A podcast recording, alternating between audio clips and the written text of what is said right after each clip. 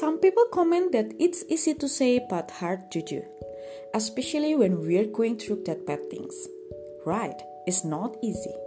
But when you already know about this truth, then your thinking priorities will change. From what you initially did was complain, this time you can take an attitude of gratitude first.